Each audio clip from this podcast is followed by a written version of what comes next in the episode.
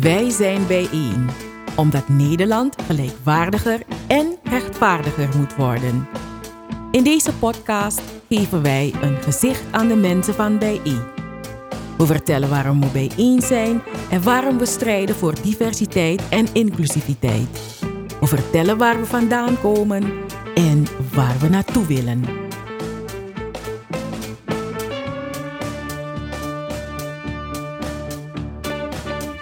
Onze gast voor vandaag is Michanteli de Jong. Ze is uh, peer coach bij Amnesty International. En ze is kandidaat voor de Tweede Kamer voor Bijeen. Welkom, Michanteli. Dankjewel, dankjewel. Nou, uh, wat fijn dat we, dat we je mogen spreken. Ik heb begrepen dat ik je Misha mag, uh, mag uh, noemen, dat ik, dat ik je naam mag afkorten. Zeker, dat mag zeker. Oké. Okay. Je bent peer coach bij Amnesty International. Klopt. wat, wat houdt dat in? Um, nou ja, ik ben wel een tijdje terug begonnen, dus ik ben nu wel een paar jaartjes ouder. Maar als peercoach geef je in principe les aan mensen vanuit jouw leeftijdscategorie.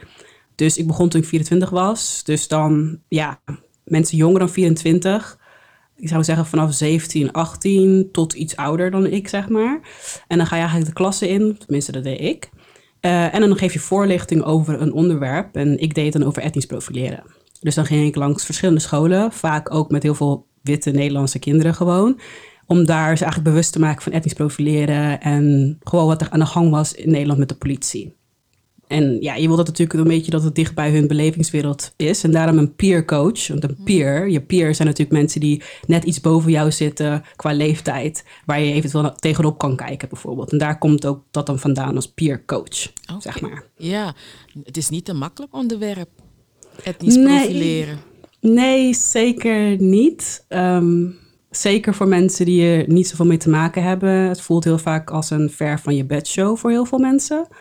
Uh, en dan is mijn taak om het juist interessant te maken en ja, ze toch een beetje nieuwsgierig te maken of ze ja, een beetje open te laten stellen voor dit soort onderwerpen. Dat they also start caring about it, zeg maar. Mm.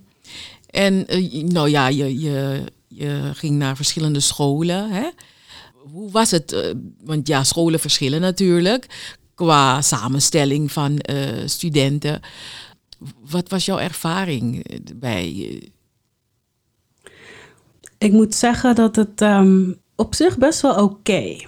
Kijk, het is wel gewoon zo dat heel veel van de jongeren geen idee hebben van waar het over gaat, maar dat is niet per se hun schuld.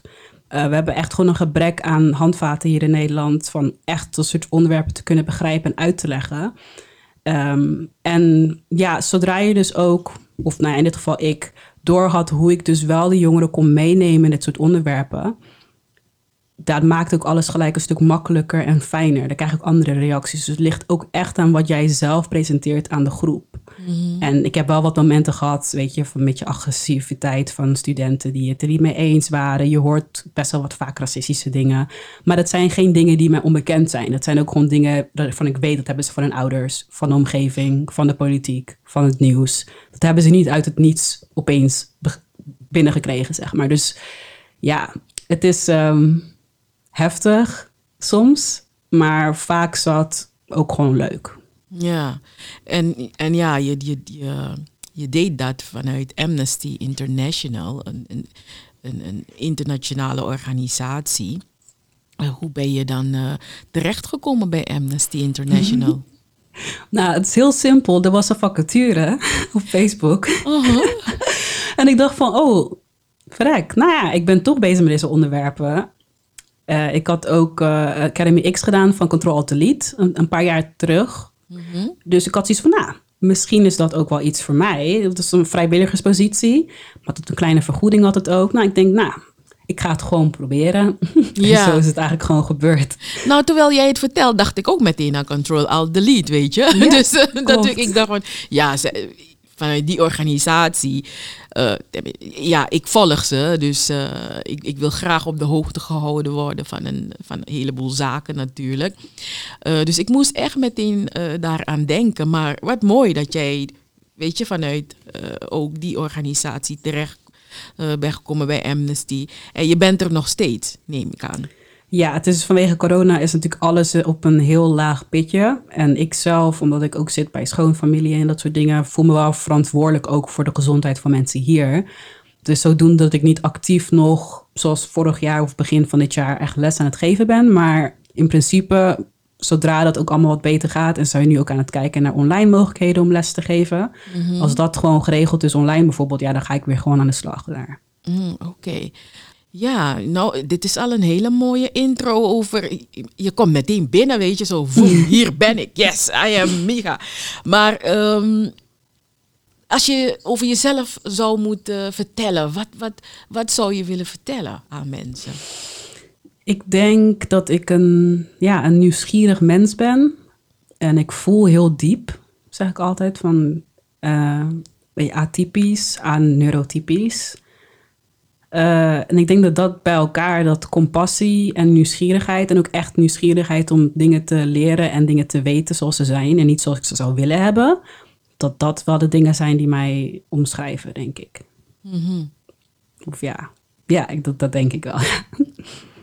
ja. Hmm. Ah, nou, ik zoek toch nog concrete dingen. Concrete dingen. ja, ja. Zoals? Waarvoor, kunnen, waarvoor kunnen mensen je wakker maken, weet je?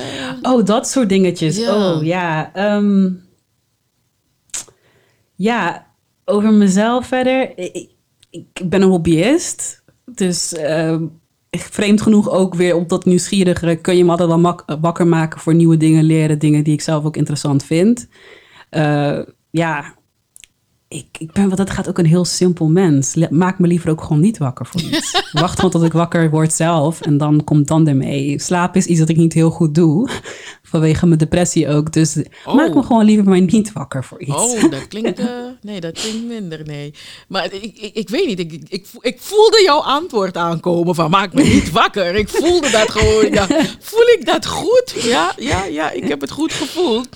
Um, nee, maar um, ja, als ik, weet je, je, je, doet veel. Ehm, ja, je, je, je, je bent nieuwsgierig, zoals je dat uh, zelf zegt. En ik, ik zag ook voorbij komen dat je een uh, abortus buddy bent. En ik dacht, oh my goodness, deze vrouw, deze jonge vrouw, wat een heftige thema's heeft zij allemaal, wat zij bespreekbaar maakt. Oh my, my, my, my ik durf het bijna niet te vragen. Hoe ben je abortus buddy geworden? Hetzelfde ook. Dat is gewoon vacature. Je zoekt het wel op, hè? Nou, dat komt mij gewoon op mijn pad. Ik denk, ik, ik heb geen actief Facebook meer, maar dat had ik wel. En dan, ja, dan scroll je en dan zie je ze voorbij komen. Er zijn wel vaker dingen geweest van, oh, nou, dat lijkt me ook wel wat. Omdat bij mij is het altijd, wat ik me kan herinneren van heel klein, is dat ik het belangrijk vond om een steentje bij te dragen. Ik wilde iets doen waar mensen iets aan hadden. En dat is ook hoe dat soort dingen mij aantrekken eigenlijk. Dus Abortus Buddy ook vanwege mijn eigen achtergrond. Ik ben kind van een tienermoeder. Ehm, het was niet echt uh, gewild, maar weet je, mijn moeder dacht van ik maak er het beste van. Maar vanwege dat ook had ik van hele jonge leeftijd, omdat ik het ook heel jong wist, heel veel al vragen over dat soort dingen. En ook in de omgeving, dat ik ook bepaalde mensen zag, mijn moeder niet per se, maar die gewoon eigenlijk liever niet ouder hadden willen worden, helemaal niet. Mhm. En gewoon het hebben gedaan omdat ze het gevoel hadden dat moet ik. Mhm. En dat ze tegen abortus waren, principieel. En dan, als je dan kijkt naar hoe er dan om werd gegaan in de familie met het kind en hoe het kind zelf zich voelde, dat ik dacht van, hé, maar waar, waar was dit eigenlijk voor nodig dan? Precies. Dus als iemand eenmaal geboren is en leeft en ademt, ja, dan, je hebt een hele leven soms aan ellende dat je kan overkomen, zeg maar. En niet alleen maar voor het kind, maar ook voor de persoon, als, als vrouw of als persoon die een baarmoeder heeft en die kinderen kan krijgen. Dat moet iets zijn dat je doet omdat je dat wilt doen, omdat je er ja, die moeite in wilt steken. Dus toen ik die vacature zag, en ik heb ook best wel een perspectief dat dan best wel. Ja, ik ben ook best wel open over dat soort dingen. Dacht ik van, nou ja, misschien kan ik daar dus ook een steentje bij dragen. Abortus is, is, is nog steeds een taboe en het brengt um, heel veel met zich mee. Hè? Het, uh, het als een, een, een, een, verschrikkelijk iets zien en um, uh, weer anderen die zeggen, ja, het, is een, het, is mijn, het is mijn recht. Ik bepaal en dat is echt een van de dingen waar ik denk dat uh, er altijd voor- en tegenstanders zullen zijn. Klopt, het is polariserend. En wat mij vooral ook um, liet schrikken is, omdat ik volg Amerikaanse media heel veel ook. Oh, dat is, daar is het helemaal heftig. Ja, en dus daar had ik al begrepen van mensen die voor abortusklinieken hingen en dat ze constant het uh, abortusrecht aan het inperken waren en dacht van, oh wat erg. En toen kwam ik erachter dat het precies hetzelfde ook in Nederland gebeurde. En toen ik iets van, wat? Huh? Hoe dan? en dat was ook een extra ding dat ik dacht van, oké, okay, dat, dat is het ook zo erg in Nederland? In Nederland heb je ook gewoon dat mensen voor abortusklinieken hangen en schreeuwen naar vrouwen. En het abortusrecht is dus niet een recht eigenlijk. Niet echt zoals wij dat eigenlijk zouden opvatten. Het is nog niet verplaatst naar een echt recht. En daardoor is het eigenlijk altijd nog steeds in gevaar. En dat wist ik oh. zelf ook eigenlijk niet. Nee. Dus dat, dus dat maakt het ook wel iets dat ja, het, het, het is beschikbaar en je kan het gebruiken. Maar het kan ook zo zijn dat opeens, stel we krijgen opeens een kabinet dat totaal er anders naar kijkt, kan het ook zo weer weg zijn. Ja, nou, ik, ik, ik kan een paar noemen als we die krijgen. Dan weet ik al hoe laat het ja, is. Ja, ja, ja. ja, ja dus... Ehm, oh, dus uh, er is nog heel veel, uh, nog heel veel te doen in Nederland hier, hierover. Oké, oké. En, en ben je nog actief of, of, of uh, hoe lang doe je dat al? Nou, dat is ook een beetje op een lager pitje gezet vanwege corona. Want ja, um, Abortus Buddy, de bedoeling was dan ook dat je dus met iemand naar een abortuskliniek gaat. En dan niet dat je iemand beïnvloedt. Je mag niet je eigen mening geven. Je gaat gewoon met mensen die bijvoorbeeld geen familie hebben. Uh, die alleen zijn of niet durven iets te delen met iemand anders. En het toch een beetje eng vinden om alleen te gaan. Nou, daar ga je dan mee. Maar ja, nu met corona, dan moet je wel elke keer iemand nieuws. En dat is weer, dan kom je weer op het hele veiligheidsgebeuren. Dus het is allemaal hele, de timing van dingen zijn wel echt, um, ja. Ja, maar dan, dan denk ik, en, en, de, en de mensen dan die je begeleidt, zijn het um, minderjarigen of, of, of, volwassenen? Of, uh... In principe zijn het gewoon volwassenen. Vanaf een leeftijd dat je eigenlijk het zelf mag bepalen, kun je in principe op de website, niet alleen ik, maar ik heb ook andere collega's, mm kan je in principe zeggen van goh, en dan kun je gewoon zelf kiezen. We hebben allemaal een kleine profieletje over onszelf. Uh, weet je van, ah, zij lijkt me wel iemand waarmee ik wil gaan. Um, en dan kan je een aanvraagje doen en dan krijg je dus ook dat je gekoppeld wordt aan een van ons. Ja, want echt heel veel. Ik denk, ja, dit, dit, is echt niet iets dat je van de daken schreeuwt. Je, meestal is het ook uit een soort schuldgevoel of schande. Klopt. Hè? Dus, dus um, ja, je, je wil liever dat niemand het weet. Dus, dat is het inderdaad ehm, zo. Ja, maar het, het helpt toch om, om, om een buddy te hebben. Ja, weet je, soms is het makkelijker om een uh, klik te maken met een, een vreemde dan met Weet je, dat je een zus of een, uh, een familielid zou vragen. Want ja, je weet maar nooit als er iets gebeurt in de familie dat je geheim op straat ligt. Terwijl als je dan met een, een, een, een, een, vreemde gaat, een buddy, ja, die, uh, nou ja, je moet maar hopen dat die buddy niet een familielid van je is in één. Dat je denkt van, kom je daar aan gewandeld en je krijgt een buddy. Nee, die, die wil ik niet, want die ken ik, weet je. Dus dat is ook weer een ding. Maar ik denk dat er goed gescreend wordt. Hè? Dus, uh, ja, nee, je kan zelf echt gewoon, we staan met uh, foto en naam staan we gewoon erop. En dan kan je echt gewoon zeggen, nou, ik wil in dit geval bijvoorbeeld Michentely hebben. Nou, dan ik wil haar hebben. En dan gaan wij onderling, nou oké, we hebben een aanvraag binnengekregen, ze wilt jou hebben, kan je? En dan zeg ik ja bijvoorbeeld, en dan ga ik. Dat is dan het idee. Dus in principe is het ook zo dat de, uh, ja, de macht ligt compleet bij de persoon die het aanvraagt. Ja. En stel iemand is niet beschikbaar, ja, dan ga je een overleg. Dat is eigenlijk het idee dan. Oké. Wauw. Um, ja, dat zijn niet de makkelijke dingen in het leven. Nee, nee, nee. Dat wil jij ook niet.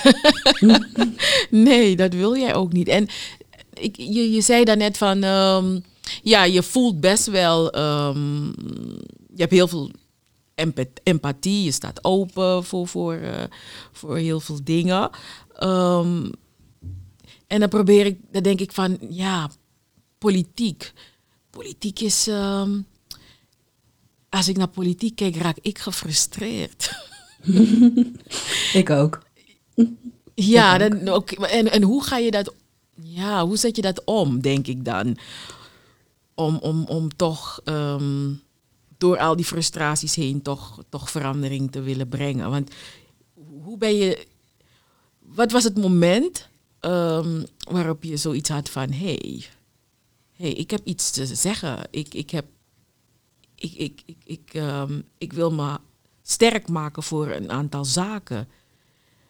Ja, bij één is de partij die bij mij past. Wat, wat was het moment? Nou ja, bij één heb ik al een tijdje gevolgd. Dus um, voor bij één was natuurlijk Denk. En ik heb daar bij het Statistisch Bureau heb ik daar rondgelopen in het begin. Want ja, dat was eigenlijk het enige partij destijds waarvan ik zou zeggen van oké, dat is tenminste iets nieuws en iets anders. En uh, ja, ik had al bij één heel snel door dat ik dacht van oké, nou, ik denk dat ik wel echt een bijeener ben. Dus ik had dus iets van, nou ja, ik heb artikel 1 gestemd de vorige keer. Uh, en deze keer zou ik natuurlijk gewoon bijeen stemmen. Uh, en het moment heb ik eigenlijk niet uitgezocht. Ik, mijn vriend die zit dus bij bijeen intern, doet hij allemaal dingen. En die kwam dus met, hey, ze zoeken kandidaten. Ik denk dat jij dat echt heel goed zou kunnen doen. Hmm. En dat heeft hij een paar keer tegen mij gezegd. Uh, ik heb anderhalf maand of zoiets uh, erover nagedacht. Niet omdat ik zie van, oh nee, bij één, maar ik ben geen politicus. Um, en ja, het is toch best wel een grote stap, want je weet dat je gewoon shit over je heen gaat krijgen. Dat is gewoon zo. Ja. Mensen gaan allemaal dingen projecteren op mij en mijn, mijn collega's, uh, die helemaal niet van toepassing is op ons. En dat is vooral waar ik het meeste in mijn hoofd mee zat van oké, okay, ik heb een leven lang van dit al meegemaakt. Dat mensen projecteren en niet echt mij zien voor wie ik ben.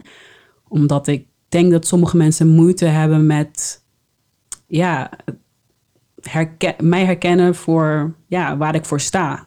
Omdat zij totaal dat niet kennen. Of omdat mensen die zo zijn, normaal gesproken niet heel open zijn erover. En ja, dat is vooral waar ik het meest mee heb gestruggeld. En natuurlijk gewoon ik de shit die overheen krijgt. Mm-hmm. Maar na anderhalve maand ook zoiets van, weet je wat? Ik heb al altijd gehad van een steentje bijdragen. Ik vertrouw mijn vriend volledig. En ik heb het ook al vaak van mensen gehoord van... oh, je zou wel echt iets moeten doen in de politiek of iets, weet je, edu educator of zoiets. En ik denk, weet je wat, nou, dan ga ik het proberen. En dit zijn mijn peers ja, bij bijeen. Dat zijn mensen waar ik tegenop kijk. En die kunnen mij dan vertellen of dat ook echt zo is. Zo simpel had ik het eigenlijk gewoon gezien. Dus je, je, jouw vriend, die is de aanstichter van dit ja, geheel. Oh, zeker. oh, oh, oké. Ja, die kent je, die kent je heel goed. En die, die kent ook je kwaliteiten. En, en um, uh, ja, dit is niet iets waar je um, makkelijk over, dat je makkelijk mee omgaat. Je, je denkt er eerst heel goed over na voordat je deze stap maakt. Want het is een, uh, een gigantische stap. Het is alsof je een stap maakt op, uh, op de maan. want als je eenmaal erin bent, oh, oh, oh, you can't go back, hè. Je kan exactly. niet, uh, je kan niet, want, nee, ik vind het niet meer leuk. Het kan altijd natuurlijk, maar als ik zo naar jou luister, ben jij niet het type dat je, als je voor iets gaat, you don't quit that easily. You don't quit. Nee, dat klopt. Dat is, uh, vind ik soms een beetje vervelend aan mezelf, eerlijk gezegd. Maar dat klopt. Ik heb hier echt over nagedacht. Ik, vind, ik heb een wel overwogen beslissing genomen. En eenmaal toen ik hoorde dat ik dus ook aangenomen was en was iets zou krijgen, was het nog van ja, denk er een dagje over na. En ik was van waarom? Ik weet het al. Anders had ik niet eens gesolliciteerd. Ja, ja, en, en het was ook, uh, waren spannende gesprekken, denk ik. Hè? Want het solliciteren, ja, dat heb je al eerder gedaan. Ja.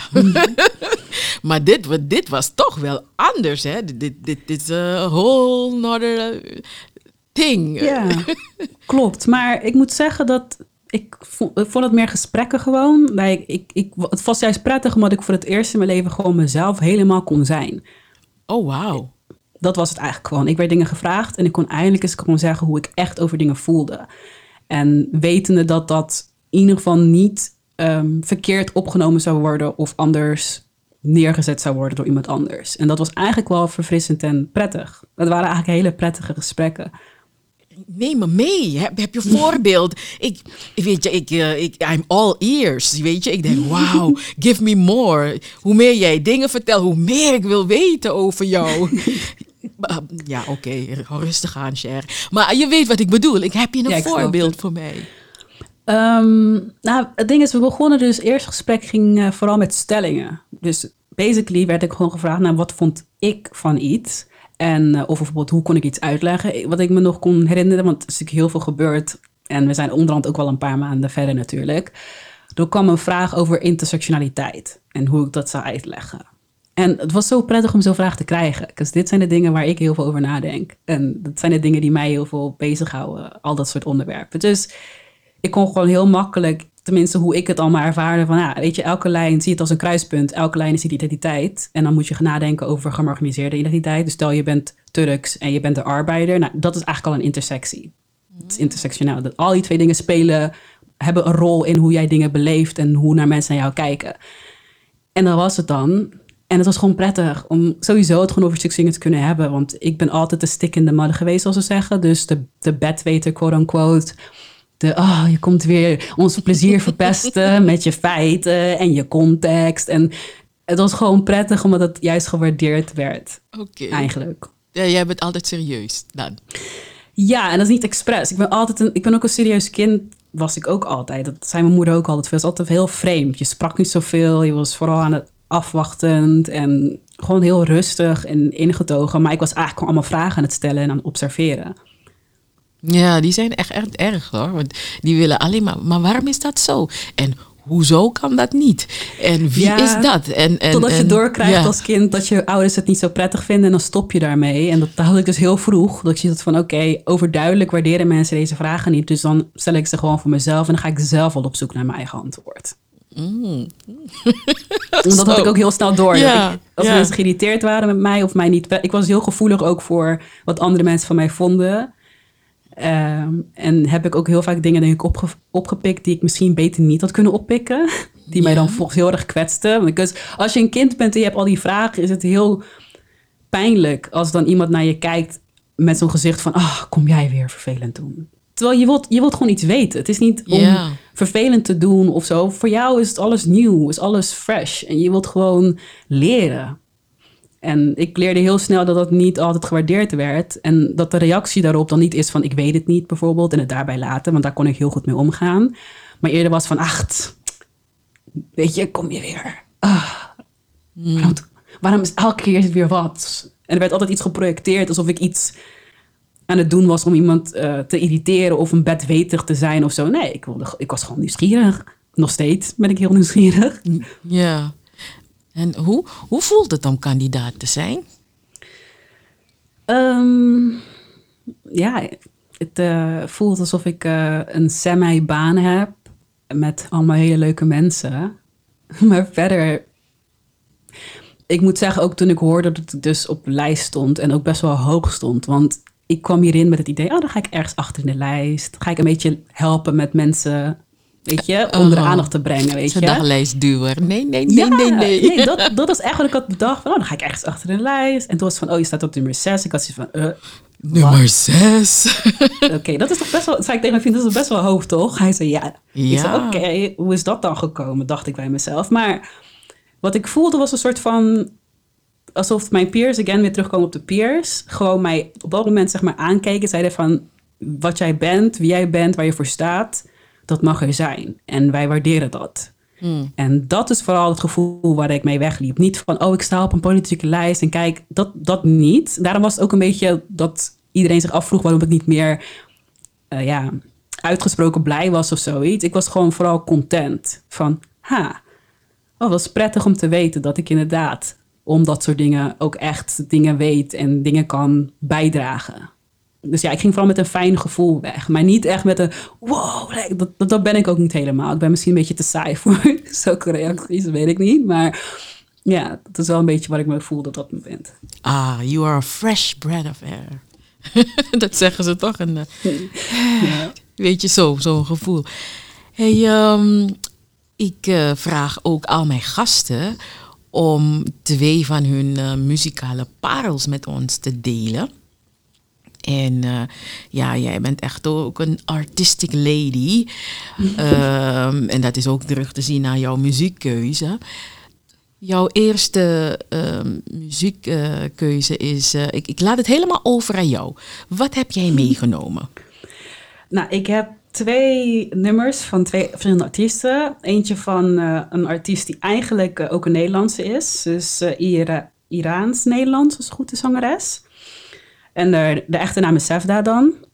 en de andere is Agnes en ze komt uit Denemarken, is het een artiest. En kijk, het, het bij mij is wel dat ik minder een obsessie heb met de mensen, maar meer met wat ze produceren. En daarmee dus iemand leer kennen via wat zij aan presenteren. Dus heel veel van de twee dames weet ik niet echt, omdat ik, ik heb nooit echt zo gewerkt.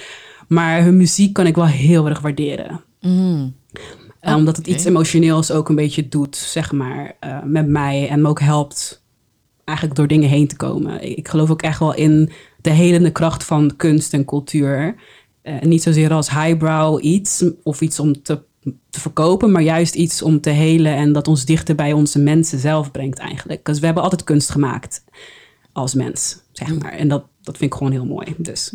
Ja, ik, ik zeg altijd, um, kunstenaar zijn het geweten van de samenleving. Zo zie ik dat.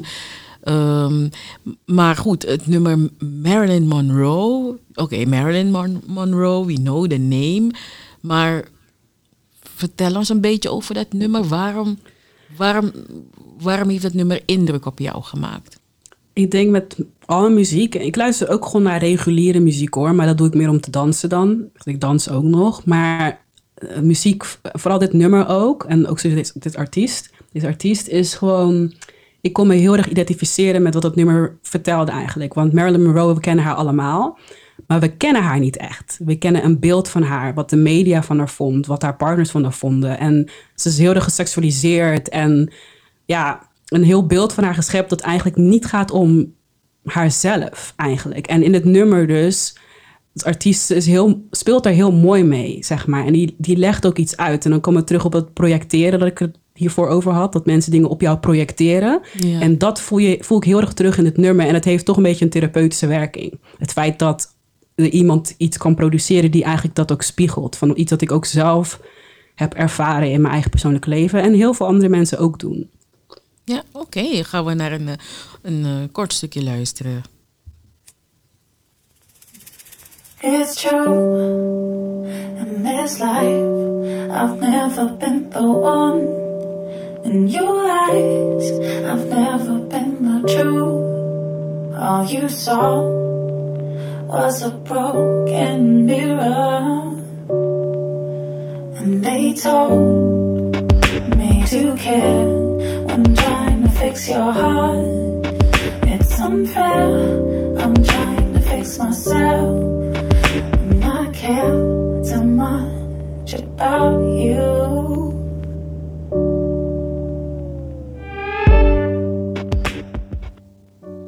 Mm, I'm feeling it. Ja. Ja, ik snap je. Het is. Uh, je, je luistert echt naar de tekst, maar de muziek. Ja, eromheen, het doet iets met je. Het, het, het, het, het past gewoon. Het is. Het is een hele story, is het eigenlijk. Weet je? En aan het einde van het nummer heb je ook een stukje dat Marilyn Monroe als goed is zelf ook inspreekt. Of tenminste, het idee dan in ieder geval dat zij het dan zegt. Ik weet niet precies of dat natuurlijk zo is of niet. Maar daar zegt ze dus ook van he never wanted me to be his wife, but I was just a trophy to him. En dat, dat het, um, het is heel erg suffocating. Dus ik kon dus niet ademen daardoor. En op een gegeven moment dat je iemand gaat verzenten ook. Dat je een beetje een hekel krijgt aan iemand voor het feit dat ze je niet kunnen zien. En niet kunnen waarderen om wie jij bent.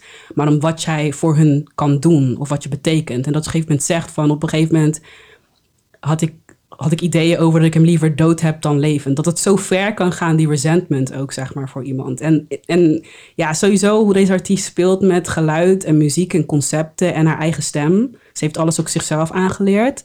Ja, dat, dat kan ik gewoon zo erg waarderen. En het, het brengt je echt gewoon mee. Het, alles klopt in, mijn, in mijn optiek. Ja, ja. Ik, ik, ik ben meteen aan het denken van ja, we, we, kennen vaak, we denken dat we het verhaal soms van iemand kennen. Maar het is het verhaal wat anderen vertellen. Want als die persoon voor zichzelf een, een eigen boek zou schrijven, of, of uh, weet je, los van als je het kon schrijven zoals jij het zelf wil. Dus zonder dat redacteuren en, en, en boek, dat, dat, dat die ook allemaal komen beslissen voor je. Nee, dit moet je er liever niet in hebben, want dan gaat het niet verkopen. Maar als jij je eigen verhaal kon vertellen zoals jij dat zelf wil, zonder censuur. Maar gewoon je eigen verhaal. Denk ik dat het een heel ander verhaal zou zijn dan wat wij van heel veel mensen weten. Of denken ja, en het gaat ook Dieper. Het gaat ook dieper dan dat. Want we zitten natuurlijk ook allemaal in een, in een samenleving waarvan wij sinds jongs af aan allemaal dingen meekrijgen over wat wel kan en wat niet kan. En wat dus positieve gevolgen heeft voor jou of negatieve gevolgen heeft voor jou. Dus los van dat, zelfs dan, al kan je alles zelf schrijven, ben je nog steeds gebonden aan al die regels van de samenleving en in de wereld waarin je geboren bent eigenlijk dat er bepaalde gevoelens mag je niet uiten, bepaalde dingen mag je niet zeggen of hoor je niet te denken of hoor je niet te voelen. Dus ik vind dat ook zo mooi aan deze artiesten, dat dat heel vaak juist naar voren komt juist. En dat ze ook niet wegschroomt om juist ook de lelijkere gevoelens en ja, ook een beetje op een kunstzinnige manier natuurlijk te laten zien. Ja, heel, heel mooi nummer. Heel mooi nummer. En uh, jij zei Sefda, hè? Of kort je dat, af? Dat kort ik even af, want ik moet eerlijk zeggen, ik heb haar nog nooit echt uh, los van op Spotify. dus daar zo ken ik haar, hè? Mm -hmm. uh, heb ik haar nog nooit echt opgezocht of verder gehoord hoe je de naam zegt. Maar volgens mij is het Sefdaliza. Sefdaliza. Ja. Van wat ik heb begrepen. En Sefda is dan haar, uh, haar echte volledige voornaam. Ja, het, ik, ik denk meteen aan Mona Lisa, maar daar heeft zij Sefda Lisa ervan gemaakt, weet je. Ja, volgens mij heeft het te maken met twee namen, haar eigen twee namen die ze dan samenvoegt naar een artiestennaam. Volgens mij is dat het idee daarachter, of het verhaal daarachter. Mm, ook mooi. En jouw tweede parel? Ja, dat is uh, Agnes Obel. En ik heb eigenlijk haar leren kennen via een show dat ik kijk, The Dark. Ik weet niet, uh, misschien mensen die het horen zullen het misschien kennen. Dat is een show op Netflix. Het is echt een hele geweldige trippy show. En ik hoorde nummers van haar. Dat is ook echt een hele atmosferische show. Dat ik zie zo van, oeh, dit voelt gewoon... Dit voelt gewoon iets. Dat heb ik haar opgezocht op Spotify. En ze komt dus uit Denemarken. Uh, en ja, zij heeft ook heel veel muziek wat gewoon... Het is gewoon echt een artiest ook. Ze speelt allerlei instrumenten. Dus los van het nummer dat we nu gaan luisteren, ze speelt ook piano. Dus ze heeft ook bepaalde nummers die gewoon puur alleen piano zijn. Oh. Maar ho hoe ze dat dan ook doet en wat voor atmosfeer ze dan kan maken, ook met andere instrumenten, is gewoon, ja, dat neemt me ook gewoon helemaal mee eigenlijk. Let's uh, listen.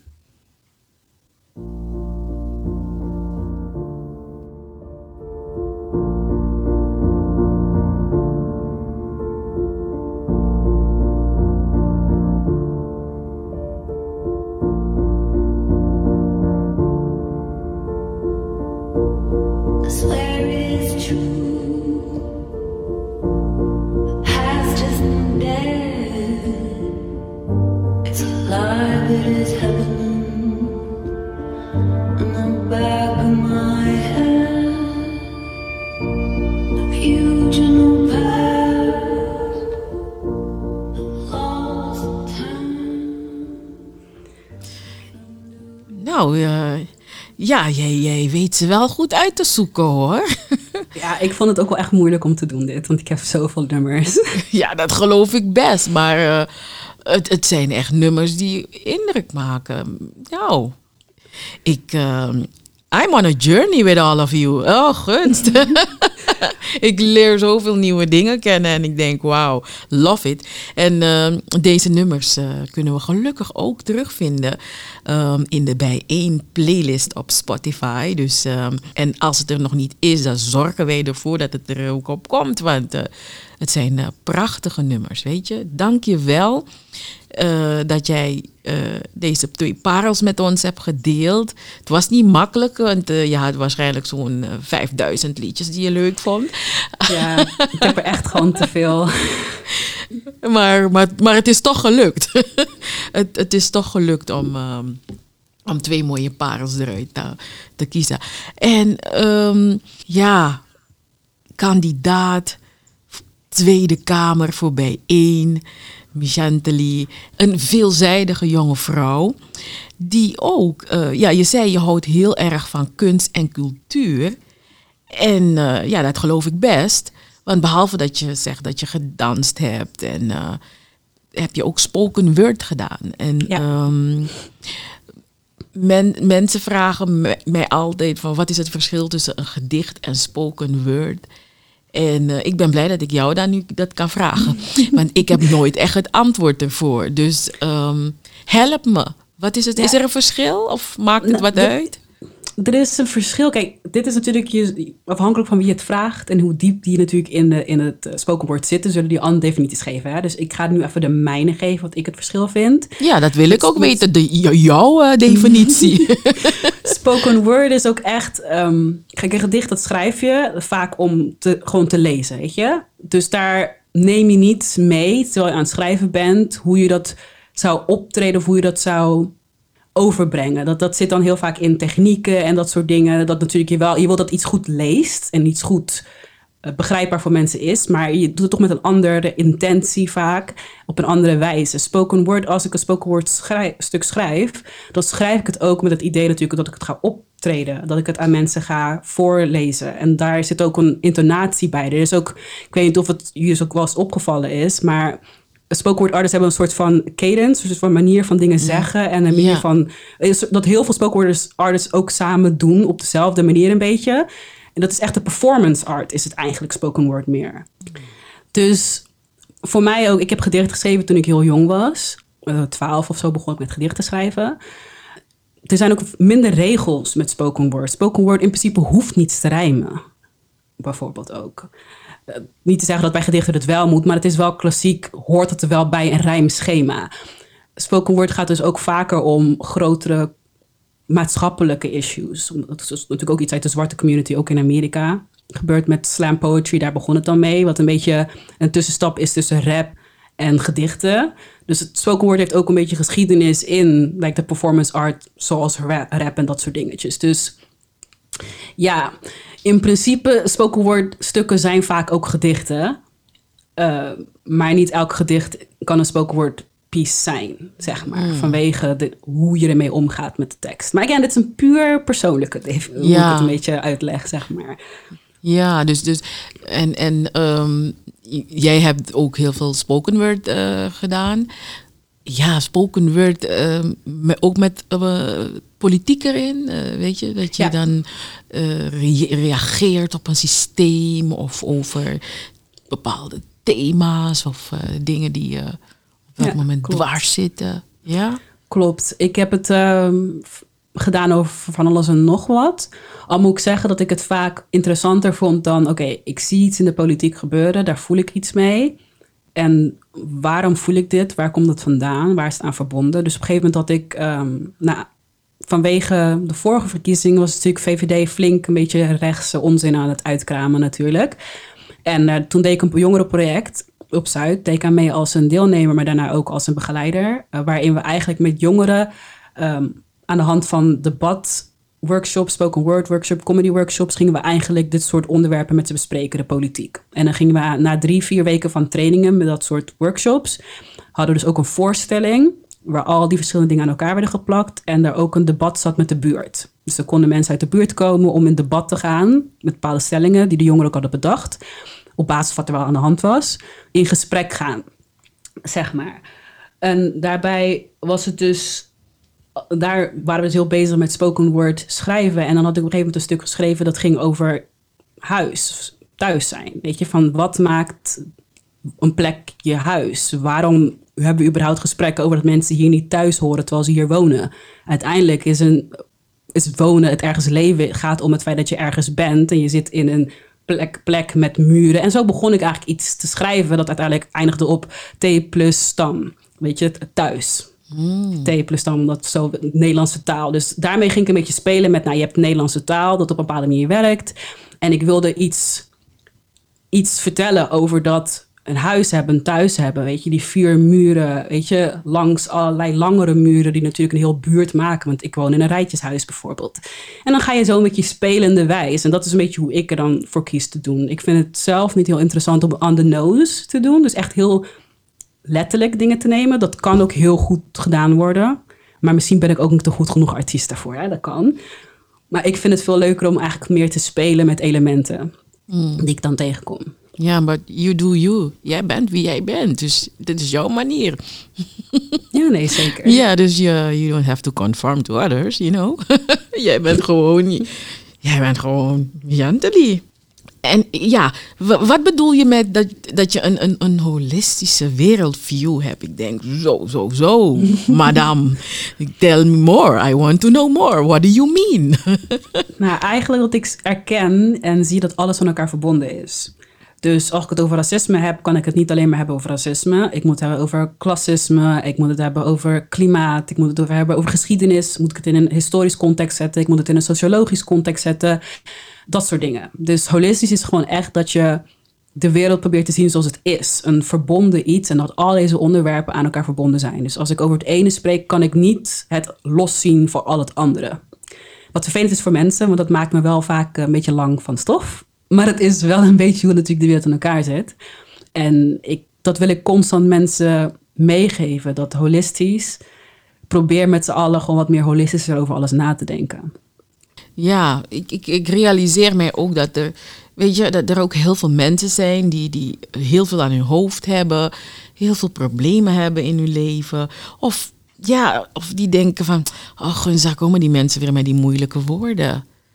Ja, nee, dat, dat, dat snap ik wel. Ik probeer het altijd gewoon te zeggen dat ik verbindenis overal tussen zie. Dat is het gewoon eigenlijk. Maar ja, het, het, woord ervoor is wel holistisch.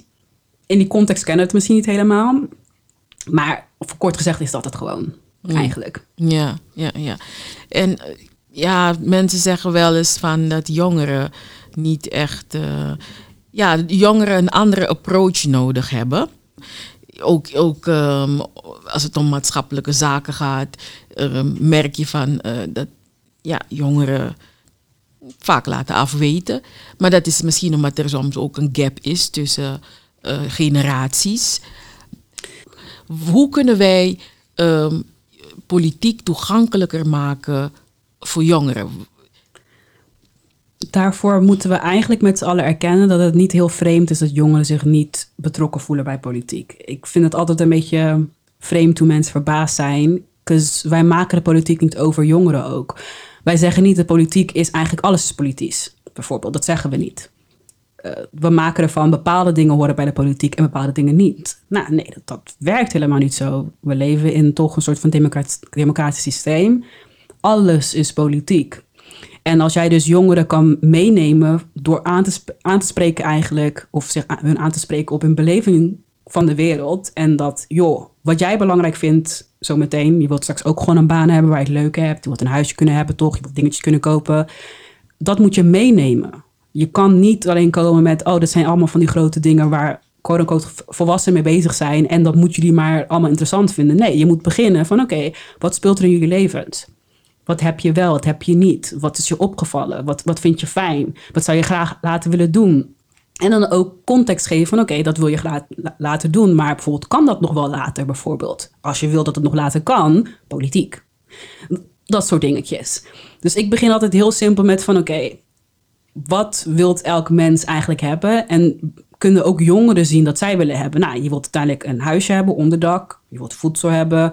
Je wilt je kunnen ontwikkelen om een soort van werk iets te gaan kunnen doen. Je wilt dat je familie het goed heeft. Dat zijn vaak van die basisdingen. En vanuit daar moet je eigenlijk het opzoeken. Je moet echt gewoon eigenlijk op het niveau van jongeren gaan zitten. En dat bedoel ik niet als in een quote-unquote laag of hoog. Ik bedoel letterlijk van, wat speelt er in jullie leven op dit moment? Wat heeft jullie beïnvloed? Wat zou jullie willen beïnvloeden? En vanuit daar eigenlijk het opbrengen. Ik geloof ook dat wij in de politiek veel meer een educator rol moeten hebben. Dus in plaats van maar van mensen verwachten dat ze alles begrijpen. Dus wat je net zegt, we hebben met z'n allen de tijd niet om, zoals ik, wat ik het leuk vind, alles uit te zoeken en dat soort dingen. Dat is ook niet realistisch. Mm. Dus wat, je, wat wij moeten doen, en wat ik vind dat de politiek ook heel erg uh, tekort komt, is juist die educating. Het echt mensen meenemen en ook verder informatie geven en dan met die informatie die je van hun krijgt ook iets doen. Het moet een soort van wisselwerking zijn. Hmm. Want daarvoor worden wij, quote-unquote, tenminste al, weet je, tot de bedoeling is, daarvoor worden wij betaald. We worden niet alleen betaald in mijn optiek om een beetje dingen te leiden. Nee, we moeten dus ook mensen leiden. We moeten ook mensen meenemen. We moeten meenemen wat zij te zeggen hebben en dat dan weer opnieuw doen. En dat is eigenlijk een constant een proces. Ja. Dus ik zie ook veel meer een plek voor de politiek, behalve als een vak. Want ik heb ook, weet je, ik heb ook een vak gehad, dat, of maatschappelijk, volgens mij een maatschappelijk vak of zoiets gehad. En daar zat ook een deel politiek in. Maar dat ging over de partij die we nu hadden. En een beetje een geschiedenis. Het was, het was totaal niks interessants. Terwijl ik, ik, ik vond het uiteindelijk reet interessant politiek, maar niet door school. Niet door hoe mij werd uitgelegd. Het was, dat was gewoon een vak waar ik een cijfer voor moest halen. En toen het klaar was, deed het gewoon vloep uit mijn hoofd, want ik moet weer ruimte maken voor nieuwe dingen. En dat is zonde, want zelfs als iemand zoals ik niet eens uh, gestimuleerd kan worden om verder naar te zoeken, terwijl ik het eigenlijk wel interessant vind, laat iets zien in mijn optiek aan hoe het wordt gepresenteerd. Dus ja, dus dat, dat, dat, daar moet, moet verandering in komen. Zeker. Maar het zijn uh, systemen die. Um, wauw, uh, decennia, de, de, de, de, bijna honderden jaren al uh, geëvolueerd zijn en, en een soort van genormaliseerd iets zijn geworden. Hoe doorbreek je dat? Door het gewoon anders te doen. Ja, dat is het wel gewoon echt. Like, het doorbreken van dingen kan je niet doen door alleen maar over te praten en in theorie het over dingen te hebben. Nee, het is gewoon door in de praktijk dingen aan te passen en dan te checken hoe gaat dat en dan weer verder aan te passen. En daarbij bijvoorbeeld zoals uh, Kick-Out Zwarte Piet en dat soort organisaties bezig zijn met racisme bespreekbaar maken op school. En weet je, het geschiedenislessen aan te passen voor echt bijvoorbeeld een holistischer beeld van geschiedenis. Dus niet alleen gebaseerd op wat Nederland er goed uit laat zien als held of slachtoffer, maar op wat daadwerkelijk is gebeurd. Dat moet eigenlijk overal bij gebeuren. Uh, en vooral nu met hoe snel alles nu gaat en de ontwikkelingen die nu gaande zijn en de uitdagingen die de komende generaties ja, voor zich eigenlijk krijgen, is dat alleen maar nog meer nodig. Dat eigenlijk zou je zo'n beetje alles wat nu educatie maakt, wat ons natuurlijk voorbereidt op werken voor iemand anders, want dat is ons educatiesysteem waar het op is gebouwd. Om je te leren van 9 tot 5 te kunnen werken en goed dingen van iemand aan te kunnen nemen, dat moet gewoon de deur uit. En je hebt al scholen die het anders doen. Weet je, altijd Dalton onderwijs en dat soort dingen. En eigenlijk moeten we veel meer naar dat soort onderwijsstructuren gaan kijken. En dat eigenlijk samenvoegen naar, oké, hoe kunnen we het openbaar onderwijs ook echt gewoon moderniseren? Zodat we ook jongeren kunnen helpen om zich voor te bereiden op alle dingen waar zij mee te maken gaan hebben. Waarvan ik niet eens mee te maken had toen ik jonger was. Want ik zie nu ook al een grote schuiving. Ja, het is, het is toch makkelijk als, als, um, als um, je een samenleving hebt en iedereen houdt zich aan een bepaalde structuur. iedereen uh, conformeert aan een bepaald systeem. Dat is toch veel makkelijker. Waarom moeten we iedereen de ruimte geven om te. Dat, dat, dat, dat wordt te ingewikkeld, dat wordt te duur. Maar het is nu al duur en het is nu al ingewikkeld. Ik bedoel, als we kijken naar wat er met Nederland is gebeurd over de afgelopen 15 jaar alleen al. Uh, huizen, tekorten, uh, je merkt dat meer mensen financiële problemen hebben. Dat dingen die ik dacht van, oh, dat gebeurt alleen in Amerika, gebeuren nu ook hier. Dat weet je, als één wasmachine van een deel van de bevolking breekt, dan kunnen ze naar hun dingen niet meer betalen, bijvoorbeeld. Dat is gebeurd nu ook al. Het is alleen dat wij niet alle kosten goed onder ogen kunnen zien. We hebben bepaalde manieren waarop we naar de, naar de economie kijken en naar de samenleving kijken. En alle kosten verbonden aan, uh, aan armoede bijvoorbeeld, die worden ook niet allemaal meegenomen. Je moet investeren om iets beter te maken. Maar wat wij nu willen doen, we willen nergens in investeren eigenlijk. We willen gewoon kleine dingetjes veranderen en hopen dat het dan goed komt. Maar de kosten komen uiteindelijk er toch wel. Het is alleen maar voor wie en op welke wijze. Dat is eigenlijk wat meer het is. de wereld is complex. De samenleving is complex. De mens is complex. En er moet gewoon meer ruimte voor zijn om het ook zo te zien. En ja, dingen kosten nou eenmaal. Een leven kost geld. er is, geen, er is geen mens dat eigenlijk meer geeft in de wereld dan ze uiteindelijk nemen, even heel strak gezien. Tuurlijk, je hebt mensen die dingen bedenken die goed zijn voor ons allemaal, maar dat, dat, die spelen weer in op de complexiteit van de wereld, zeg maar. Dat dingen moeten zijn, daar een volgende generatie iets hebben. Maar dat is een beetje een, een, een toch vind ik persoonlijk een, ouderwetse, een ouderwets idee van het feit dat dingen kosten, ja, alles kost geld. En mijn vraag was altijd als kind van oké, we, we, zijn allemaal geld verschuldigd aan iemand anders. Maar wat is het einde daarvan dan? Houdt ons land op een gegeven moment op? Na 50 jaar dan kunnen we zeggen, oh, nu zijn we kiet. We zijn klaar. De samenleving gaat door. Kosten blijven worden gemaakt. Dat is nou eenmaal hoe het werkt. Dat is... En dat, dat hangt allemaal weer samen natuurlijk met hoe wij heel erg op kapitalisme gebaseerd idee hebben van, van hoe dingen werken. En ja, dat heb ik altijd vreemd gevonden. En dat blijf ik altijd een beetje vreemd vinden. Dat we het met z'n allen een beetje accepteren. Zijn we te, zijn we te makkelijk? Nou het is, ik geef niemand de schuld daarvan. Ik, de individuele burger is daar niet verantwoordelijk voor. Ik geloof dat vooral het politieke stelsel en de mensen die dus onze leiders zijn, zich te makkelijk daarvan afmaken. Mark Rutte, vind ik, is veel te makkelijk in hoe hij zegt: Ja, nou, ik ga je niet dwingen om iets te doen. Nou ja, ik ben jullie leider niet, terwijl ik wel die positie heb uh, aangenomen met plezier en ik het nog langer wil blijven doen. Dus eigenlijk allebei de dingen willen hebben. De individuele burger die moet juist geholpen worden door mensen zoals wij. Wij moeten dat werk doen en zij ook hun meenemen en vervolgens luisteren naar hoe dat dus ook werkt in de samenleving en daar weer aanpassingen maken. Ik geloof ook echt veel meer in het. Uh, gebruik maken van het feit dat wij als mensheid heel veel kennis hebben rond de wereld. En allerlei mensen hebben die dingen bedenken die hartstikke goed zijn, maar daar doen we nooit iets mee. Omdat ja, dat is te moeilijk, dat kost te veel geld, dat is te ingewikkeld. Maar die dingen zijn er niet voor niets. In mijn optiek dan. Ja, je kan je enorm, je kan je boos maken daarover, hè? Frustreer. Ik frustreer me heel vaak aan dingen. En dat is ook waarom uiteindelijk Kijk, ik kan me blijven frustreren. Dat dacht ik ook toen ik over na zat te denken om kandidaat te worden. Ik kan me blijven frustreren in, thuis, in mijn eentje met mijn vriend. Of ik kan me blijven frustreren en ook op een positie komen. Of in ieder geval rond een groep mensen zijn waarvan een paar mensen iets gaan doen en die ondersteunen, zodat ik iets kan doen met die frustratie. Frustratie is een heel is een menselijk iets. Weet je, hetzelfde als als je boos wordt. Weet je, woede. Heel menselijk. Het heeft een functie. Die functie is om je iets te laten doen. Dat je je zo erg, ja, zoveel voelt dat het je iets laat doen. Dat je iets dwingt te gaan doen. En dat is eigenlijk wat meer moet komen. Dat we niet alleen maar ons ja, frustreren en boos maken. Maar dat ook kijken van, oké, maar wat kan ik dan doen in the real, in real, in the real world, weet je? Ja. Om ook van het gevoel af te komen. Ja, maar mensen willen soms niet luisteren naar boze mensen. Zeggen ze, kijk, daar komen ze weer, die boze mensen. Ja, en dat vind ik altijd van, dat vind ik ook zo jammer dat we met z'n allen een beetje vergeten zijn dat we mensen zijn, hè? We zijn geen robots, we zijn geen programma's, we zijn mensen. En we, hebben, zijn, emotion, we zijn nou heel emotioneel en onze emoties hebben een functie. Want in een samenleving, ik bedoel, als mensen leven we samen, in kleine groepen, in grotere groepen, maar we leven samen. Dat is nou eenmaal zo. Je hebt genoeg dieren die dat niet doen. En die hebben die emoties en dat soort dingen ook niet nodig. Maar andere sociale wezens hebben ook gewoon versies van emoties om andere ja, ja, mensen, als ik het heb over dieren is misschien lastiger, maar om eigenlijk dingen duidelijk te maken aan de groep waarin ze zich bevinden. Dus weet je, we huilen, dan vragen mensen af van ja, waarom huilen we? Waarom tranen we? Nou ja, dat is een heel, vis, heel visueel iets waaraan iemand anders van jouw groep kan zien dat er iets niet goed is als je boos bent. Als je, al dat heeft een functie. En dat is zo jammer dat dat dus juist niet wordt geleerd aan jongeren en kinderen. Dat je emoties hebben een functie. Voor jezelf en voor de mensen in je omgeving. Dus ik hoop dat die framing omtrent die emoties ook, dat we ook kunnen veranderen. Dat ja, ik maak me boos om because I care.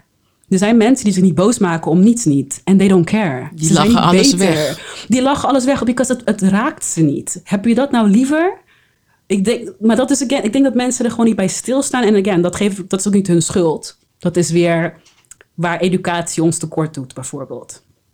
Ja, politiek uh, zorgt voor nog meer frustraties. Als je daar in die kamer zit en uh, compromis. Ja, je moet weer een compromis sluiten met die en die. En uh, ja, niet altijd gaan dingen zoals jij dat had, in gedachten had. Dat wordt ook een uitdaging. Ja, en ik ben blij dat ik een goede groep collega's heb om me heen. En sowieso dat wij als bijeen natuurlijk vooral ook ons zien als een activistische partij. Dus ja, ik snap compromis stellen op bepaalde gronden is, is gewoon belangrijk.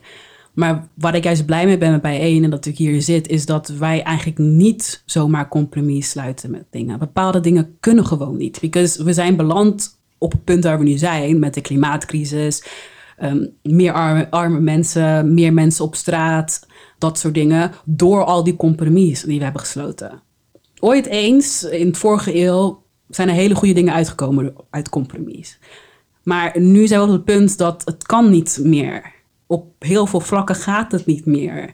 En verandering komt ook alleen maar met een soort van een extremere visie in bepaalde dingen. En ook gewoon gaan voor bepaalde dingen. En niet half, half measures nemen. En nou, dit jaar doen we een beetje. Hetzelfde met de klimaatcrisis. Like, ik, ik kan me daar heel erg op frustreren dat tien jaar geleden moesten we allerlei dingen doen. Nu zijn we tien jaar verder en dan willen mensen het weer tien jaar opschuiven. Het enige wat we dan doen is het opschuiven voor de volgende generaties. Het gaat niet weg omdat wij compromissen. Bepaalde dingen gebeuren nou eenmaal. Zoals nu met corona. Sommige mensen vinden het niet leuk om mask te dragen. Ja, maar de realiteit is dat het er eenmaal is. Emotioneel snap ik dat het moeilijk is voor bepaalde mensen om zich dingen echt te realiseren. Ook omdat we mensen zijn. We hebben gewoon als soort, hebben wij gewoon bepaalde fouten in onze soort. Dingen die wij lastig vinden, zoals een hond en een kat en een koe, hebben ook allemaal hun dingetjes. Wij zijn een soort als mensen. En wij kunnen heel slecht omgaan met grote dingen, grote problemen die ver weg zijn en die heel abstract zijn. Maar daar moeten we dus wel iets mee doen met het feit dat we dat niet goed mee om kunnen gaan als soort. Eigenlijk. En daarvoor is het gewoon belangrijker dat we compromis sluiten is allemaal mooi en leuk en aardig, maar de klimaatcrisis gaan we daar niet mee oplossen. Het gaat gewoon niet. Het gaat gewoon niet. En daarom, 17 maart, wauw. What a lady. Ik, uh, you delivered. Dat is het enige wat ik kan zeggen. You delivered. Um, ik, uh, je passie, je vuur you you don't um, just preach. You, you, you, you are educator. En uh, dat vind ik heel mooi. Dankjewel. dus um, ik ga jou heel veel succes toewensen. Nummer 6, nummer 6, nummer 6 op de lijst. Ja, ik, ik, ik zie jou. I am visualizing. Ik zie jou. Ik zie jou en uh, we, we need more. Kijk, ik, ga je, ik kan je niet klonen, want dat, dat, dat is ethisch niet uh, verantwoord. Maar uh, we need more of um, Chantelie. Yes, we need we more. Hebben, we hebben een lijst vol. En ik bedoel, wat dat er gaat... Ik, misschien moet, mag ik dit niet zeggen eigenlijk, maar... De mensen, vijf mensen voor mij alsjeblieft stem daar ook gewoon op. Weet je, like, het hoeft niet op mij te zijn. Uiteindelijk heb ik ook, vind ik, een ondersteunende functie. En ik ga niet weg bij bijeen. En ik, ik wil allerlei andere dingen doen met bijeen. Ook om eigenlijk outreach te doen naar andere communities, andere groepen. Het mooie is, we hebben een lijst vol met mensen zoals ik. We zijn niet allemaal hetzelfde, maar ja, dat, daar gaat het niet om. Het gaat in de kern. Zijn we allemaal nieuwsgierige, empathische mensen. En dat helpt gewoon. En ik geloof erin dat bijeen gewoon veel meer reuring, veel meer leven brengt in de kamer. En verandering en veel mooiere dingen kunnen gebeuren als bij één er ook bij is. Yes. Dus, um, dus als het aan mij lag, ging iedereen die kamer in. Weet je, meteen shake things up, stir it up, stir it up. En dan uh, geloof ik wel dat dingen gaan veranderen in Nederland. Stir it up, hè? Wie zingt dat weer? Stir it oh, up, Bob, Bob Marley? darling. Ja, ja, ja. Oké. Okay. Bob Marley, Bob Marley ja. We, we gotta stir it up. En uh, ja man, jij bent er één van. you know how to stir it up. Dus um, dank je wel dat je tijd hebt gemaakt om uh, met ons te praten. Ja, dank jullie wel voor uh, dit momentje. In aanloop naar de Tweede Kamerverkiezingen van maart 2021 laten wij u kennismaken met de mensen achter Bijeen. De mensen die ervoor zorgen dat Bijeen er is en blijft groeien. De mensen die zich inzetten voor een gelijkwaardig en rechtvaardig Nederland. Help Bijeen de Tweede Kamer in. Doe mee. Doneer of word lid via www.bijeen.org. Bijeen is er klaar voor. Nu jij nog.